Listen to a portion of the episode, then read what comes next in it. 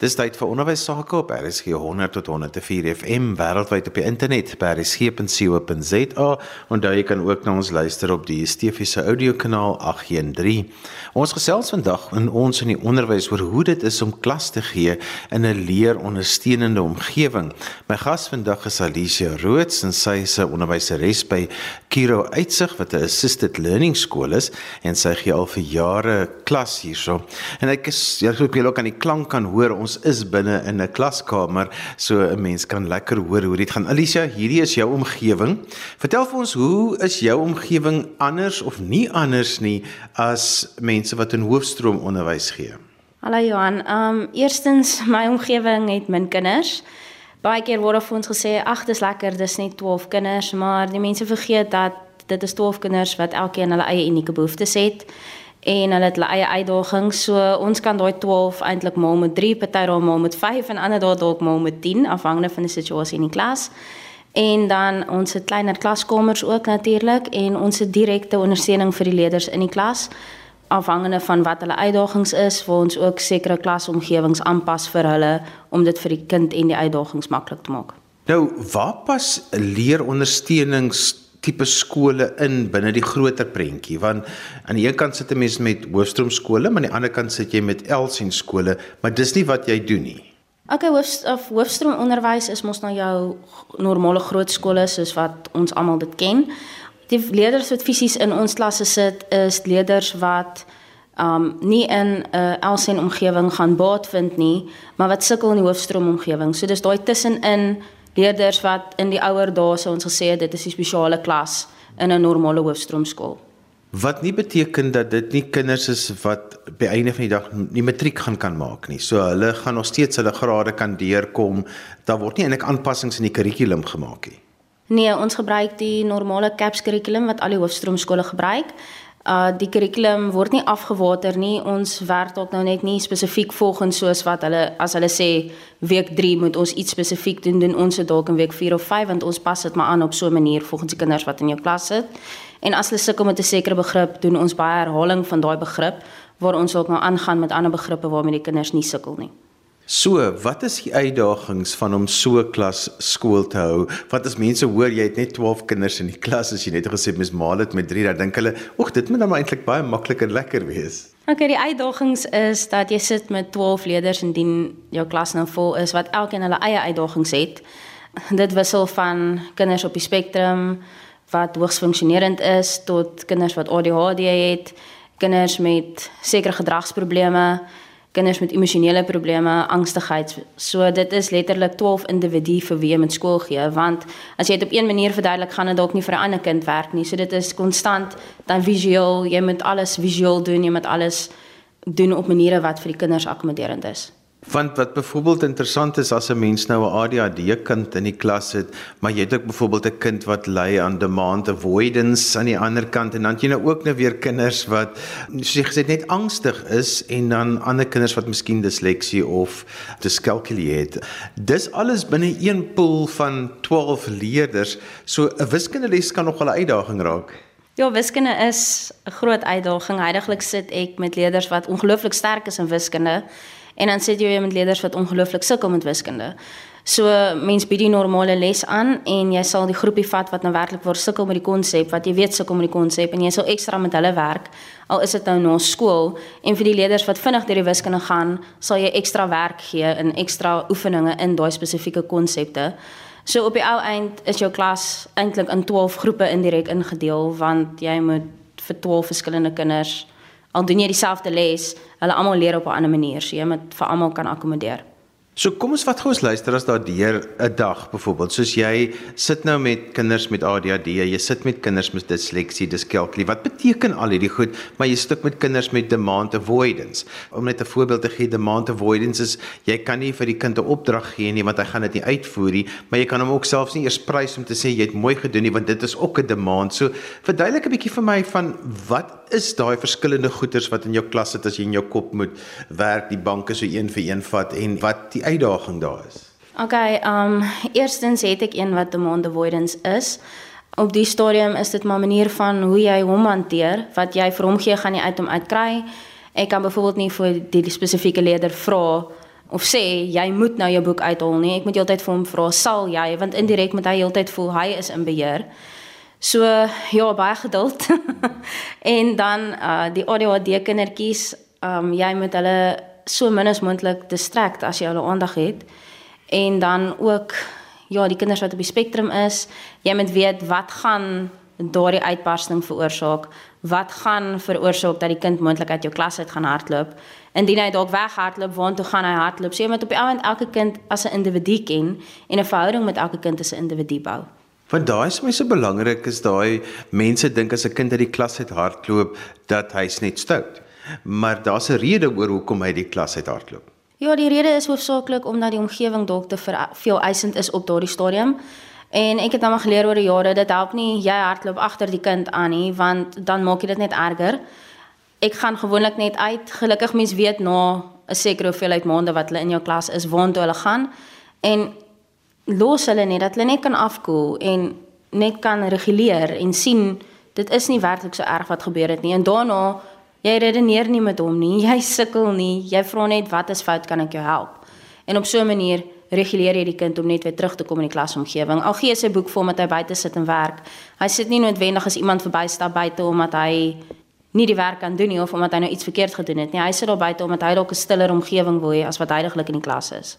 Maar die realiteit van leerondersteuning is dat hulle nog steeds 'n uh, toetsvraestel of eksamenvraestel moet skryf by dit alles en jy's nou die fase hoe so jy moet nog seker maak dat almal geëvalueer word en almal word geassesseer en hulle moet van graad tot graad beweeg. So daai daai uitdaging skuif nie.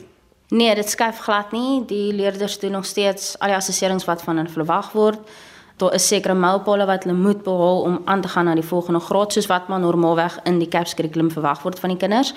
Wat gebeur is leerders het dalk moontlik sekere akkommodasies wat dalk vir hulle iemand gee om te lees, maar in die grondslagfase waar ek nou is op die huidige stadium is ons ons as ons gee die hele klas, ons lees vir almal. Ons help almal.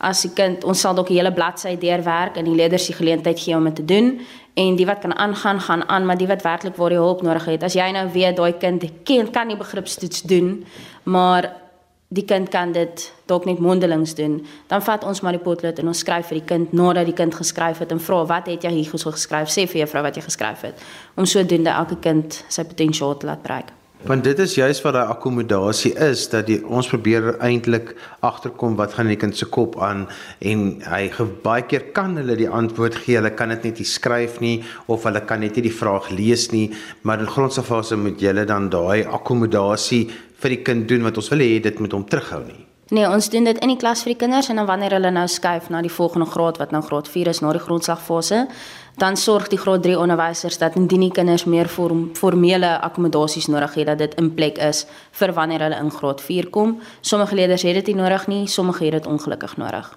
Dan met 'n baie spesiale band wees tussen wat julle in die klas en wat ouers by die huis moet doen, want dis nie sommer net ek kon laai my kind af by die skool en ek laai hom vanmiddag weer op nie. Nee, glad nie. Dit is letterlik die ouers moet die pad saam met ons stap.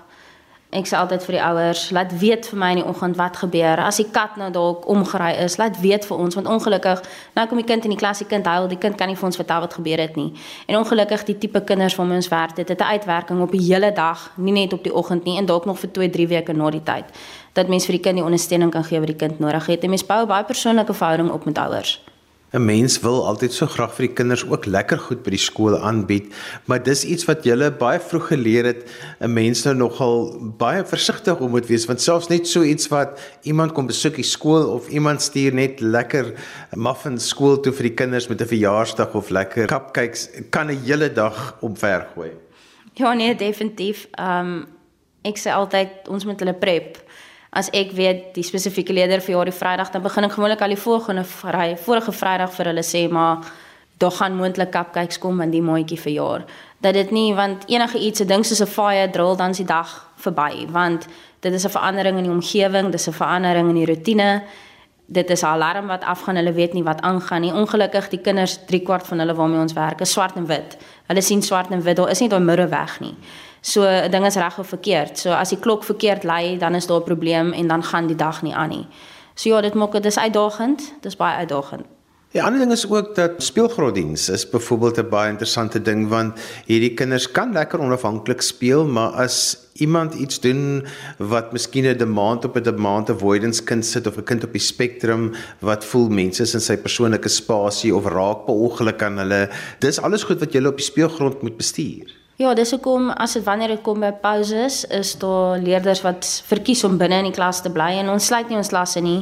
Ons gee daai leerders die geleentheid om binne in die klas te bly want 'n kind wat byvoorbeeld op die spektrum is, hou nie van harde geluide nie. So hy wil nie buite tussen almal wat hardloop en skree speel nie, maar dalk môre voel hy wil speel. En ons het ook baie meer mense as normale hoofskroomstrole op diens.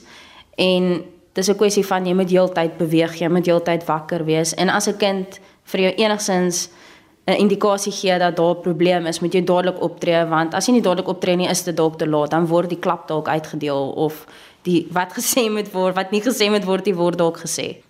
Wat het jou laat besluit dit is nou die onderwys wat jy wil doen dat jy graag by so 'n skool wil wees?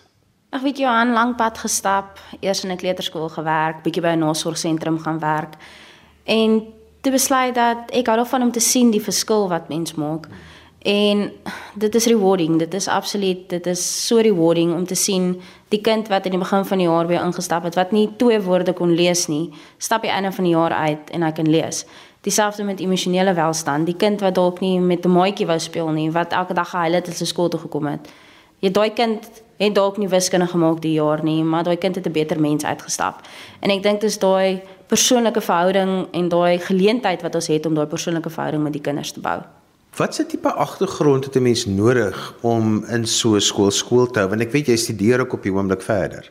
OK, ek het net my onderwyskwalifikasie en dan is ek nou regtig besig om verder te leer in my honeurs te doen in inklusiewe onderwys en dan baie kort kursusse en alle bronne wat jy kan lees en opleidinge gesels met kenners. En mense leer eers dan in so 'n klas. Die baie van die studente wat byvoorbeeld by ons kom proef se woorde as hulle uitstap is ek weet nie hoe julle dit doen nie.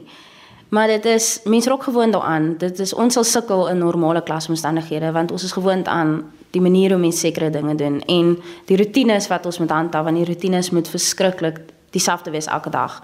Anders is dit ongelukkig nou maar ook probleme. Jy werk elke dag met leeruitdagings, leerhindernisse, ontwikkelingsprobleme met kinders. Watter van daai uitdagings interesseer jou die meeste en wil jy graag meer ook van weet? Alles is dalk nie nou van jare in jou klasie, maar wat jy voel dit is nou nogal vir jou interessant dat dit met kinders kan gebeur en hoe help 'n mens? Vertel bietjie. Definitief the monde avoidance. Ek het al voorheen ook leerders gehad in my klas en nie een van hulle is dieselfde nie. Wanneer 'n mens dink aan 'n uh, tipiese ADHD profiel, dan weet jy min of meer hoe om hulle te hanteer, maar met hierdie kinders, dit is dis absoluut elkeen moet anders hanteer word. Wat dalk gewerk het die vorige jaar of 'n jaar voor dit, werk nie vandag met die kind in jou klas nie.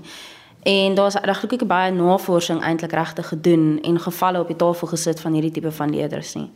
Ja, al is dit in die 80er jare al geïdentifiseer is daar geen medikasie wat regtig kan help. Jy kan 'n bietjie bysit, jy kan 'n bietjie help daarmee, maar ek dink ons is is is dalk geprikkel nou. Wat beteken extreme demand avoidance of patologiese demand avoidance want daai demand vermydende deel is nogal vir mense moeilik om te verstaan want dit kom baie keer voor asof die kind net nie veel wil luister nie, hy net wil en baie ouers sê met die kind kort net 'n goeie pak slaap wat natuurlik nie die wet is en mag dit nie doen nie, maar weet dit is baie keer mense se eerste begrip daarvan. Dit beteken maar basies in 'n een eenvoudige taal dat enige demand, enige uitdaging, enige iets wat jy op die kind sit is vir hom 20, 30, 40 keer erger. Ek dink soos maak asseblief jou skoene vas is vir veroorsaak soveel angs by daai kind dat sy brein kan nog nie reg prosesseer wat hy eintlik moet doen nie. Dit veroorsaak angstigheid en dit veroorsaak op die ou en die uitbarstings. Want dis die belangrikste ding, dis nie dat hy nie wil nie, dis dat hy nie kan nie. Ja nee, dit is hulle weet hulle, hulle wil probeer, hulle wil, hulle wil byvoorbeeld deel wees van die saalbyeenkomste, maar hulle kan nie, hulle weet nie hoe nie. So dis maar iets wat dit kan nie reggemaak word nie. Geen medikasie help werklik vir dit nie. Dit hulle leer net om dit te cope op die ou einde. Alle skole merk maar op dat kinders geweldige hoë angsvlakke het. Hoe het julle dit ervaar dat die kinders teruggekom het? Ek weet julle het nogal redelik ook aangegaan tydens COVID tyd om maar soveel as moontlik te probeer akkommodeer, maar hoe het julle die angsvlakke ervaar en hoe is dit nou al? Die angsvlakke was vreeslik hoog. Uh die kinders was bang. Ek dink soos wat meeste van die volwassenes maar ook bang was en ongelukkig die volwassenes het afgesmeer op die kinders. Kinders het nie verstaan dat as ek COVID kry, gaan ek dalk nie doodgaan nie. Baie van hulle het gedink as ek my masker dra nie gaan ek doodgaan. Um verskriklike angstigheid, die angs was vlakke was ongelooflik hoog. Maar met dit dat hulle nou weer met mekaar kan sosialiseer, die maskers wat nou weg is, sommige van hulle weier om die masker af te haal, maar ons los hulle. En maar dit dit gaan al vir my beter, maar mense kan sien die kinders het daar is fisies of skade gedoen aan hulle. Mense kan dit sien. Hulle wil nie hulle speel nie soos wat hulle 3, 4 jaar terug gespeel het nie. En is baie meer opmerklik in kinders juis met ontwikkelingsuitdagings. Ja nee, definitief. Hulle is bang. Hulle hulle wil nie probeer nie. Hulle is bang as mens mense inkry om die skool te besoek want daai mense het kieme. Die hande word dalk 30, 40, 50 keer gesaniteer op 'n dag wat eintlik onnodig is, dan kry hulle weer fisiese goed soos ekseem en blaasies op die hande. En dit veroorsaak maar alles op die ou end angs en hulle is bang mamma en pappa gaan dood, ouma en oupa gaan dood. En waar die gevalle was waar daar sterftes in die families was, mense sien dit die kinders praat nou nog COVID het my ouma of oupa doodgemaak. Alicia, wanneer kinders hier by julle kom, dan word hulle nog geëvalueer en alles, maar op die ou end word die kind dan aanvaar en jy ontmoet met die ouers. Daai ouers het nou al 'n lank pad gestap teen die tyd wat hulle hier by jou kom. Vertel bietjie vir ons van daai ouer onderwyser verhouding, maar ook daai ontmoeting met die ouers en waar hulle is? Ek dink wanneer daai ontmoeting plaasvind, moet albei partye op kaarte speel.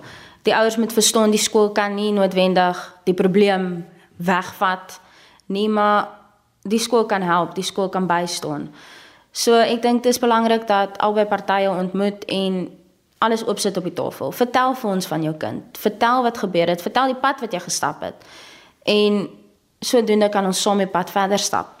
Alicia, ons grootste vrees altyd binne onderwys is, is wanneer kind 'n plafon bereik het. Met ander woorde, die ontwikkeling het gestop. En dan kan hy nie meer hier wees nie. Vertel 'n bietjie vir ons van jou gedagtes rondom dit waar 'n kind net nie verder ontwikkel nie.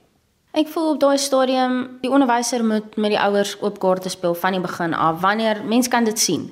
Wanneer dit begin gebeur, sê vir die ouers En indien die nodige toetse gedoen is, dan kan die kind uitgeplaas word na 'n omgewing waar hulle weer gaan floreer. Het sy fisiese waar hulle fisiese iets fisies gaan leer of En Annelise, jy's ook die fase hoof van die grondslagfase soos ons gesê het om die fase hoof te wees, wat is die uitdagings wat daarmee saamgaan want jy sit met jou klas van kinders soos jy sê wat 'n mens die hoeveelheid met 3 moet maal of 4 moet maal want dit is so die uitdaging dan is maar jy moet ook 'n hele fase lei.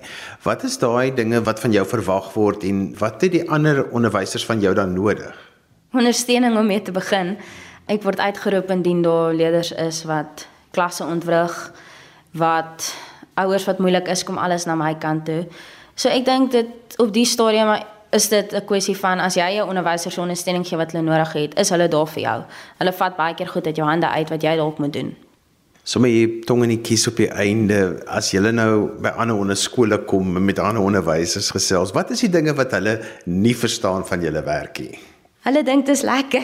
hulle dink dit is lekker om 12 kinders te hê. Ek sê altyd vir hulle, ek nooi julle kom kuier vir 'n dag. Ek sal jou los in my klas en kyk ons so lank nou sê hulle vir my jong maar hulle het dalk 40 of 50 kinders in die klas en hulle het dalk nou een op die spektrum en een wat of twee wat ADHD is maar ongelukkig in 'n hoofstroomskool daai kinders verdwyn meeste van die tyd. Hierso kom staan daai kind langs jou tafel en hy sê vir sê juffrou juffrou juffrou juffrou tot jy aan hom die aandag gee wat hy soek. So there's no escaping it. dit is en ons is moeg. Ons is werklik ek kan sê aan die einde van 'n skoolwag, jy's nie fisies moeg nie, jy's emosioneel moeg. Want jy dalk daai 3 of 4 breakdowns gehad, jy dalk daai ons is ons help mekaar. So as jy hoor 'n kind langs aan huil, dan gaan jy en jy gaan hoor kan jy help. Want baie keer wil daai kind dalk net uit die omgewing kom en die kind kom sit by jou. So hulle dink is lekker, maar dit is lekker vir ons, maar dit is iets om aan gewoon te raak. Dit is nie sommer net stap in en kom gee skool en gaan huis toe aan die einde van die dag nie. Ek wil nog 'n laaste vraag vra oor terapeute want dis nie net julle as onderwysers wat nou 'n baie sterk rol speel nie. Daar's 'n vierde dimensie by en dit is dat altyd of 'n paar terapeute betrokke is binne die skool en buite die skool wat ook nou nog verwagtinge het en wat ook inligting by julle soek. Vertel net 'n bietjie van hoe jou verhouding tussen die terapeute en die kinders in die klas, hoe werk dit prakties? Okay, prakties werk ons mos nou maar by die skool met die arbeidsterapeut en die interne sielkundige wat ons hier het. en dan ook leerderondersteuning mense wat hier is. So daai se verhouding wat daagliks word daar gekommunikeer oor leerders. Indien daar in een van die twee partye sekere goed opgetel word, word daar dadelik e-posse gestuur. En dan nou met die buitepartye, um, ons vergader met die partye, die partye kom besoek die skool om die spesifieke leerders in die klasomgewing te observeer en waarna hulle dalk moontlik vir ons sal dokumente en goed aanvra. So dit is nogal belangrik dat jy as 'n onderwyseres moet weet hoe om so terapeutiese verslag byvoorbeeld te lees. Daar's nogal baie leeswerk en opleeswerk aan jou werk verbonde. Ja, definitief. Dit is nie net 'n kwessie van lees die begin van die verslag en die einde van die verslag waar jy die recommendations gemaak word en die aanbevelings nie. Dit is letterlik jy moet daai verslag vat en jy moet hom uitmekaar uit gaan trek en kyk hoe jy hierdie spesifieke kind kan ondersteun. Uit die verslag as jy byvoorbeeld sien die kind funksioneer nie visueel nie, die kind funksioneer nie met visuele hulpmiddels nie. Kan jy nie jou hele jaar se lesse gaan beplan op PowerPoints en video's nie, want daai kind gaan niks by jou leer nie. Net so ten slotte vir onderwysers wat dalk nou hoor vir jou praat en dalk sê, "Sjoe, dit is dalk 'n omgewing wat ek ook baie graag in sou wil wees." Wat sal jou raad aan hulle wees en hoe moet hulle daaroor dink? Ek dink jy moet kyk waar jou passie is. Ek dink as jy 'n passie het vir leerders met spesiale behoeftes, vir leerders met leerhindernisse, vir intense werk met sek spesifieke leerders, dan dink ek dit is werklik die omgewing en soos ek gesê het, hulle is welkom om te kom kyk wat ons doen. En so gesels Alicia Roots en sy is die fasehoof en onderwyser hier by Kiro Uitsig en dit is 'n leerondersteunende skool of 'n assisted learning school. Onthou jy kan weer na vandag se program luister as 'n potgooi, laai dit af by reskepen.co.za. Skryf gerus vir my 'n e e-pos by Johanvanlull@gmail.com. daarmee groet ek dan vir vandag tot volgende week van my Johan van Lill. Totsiens.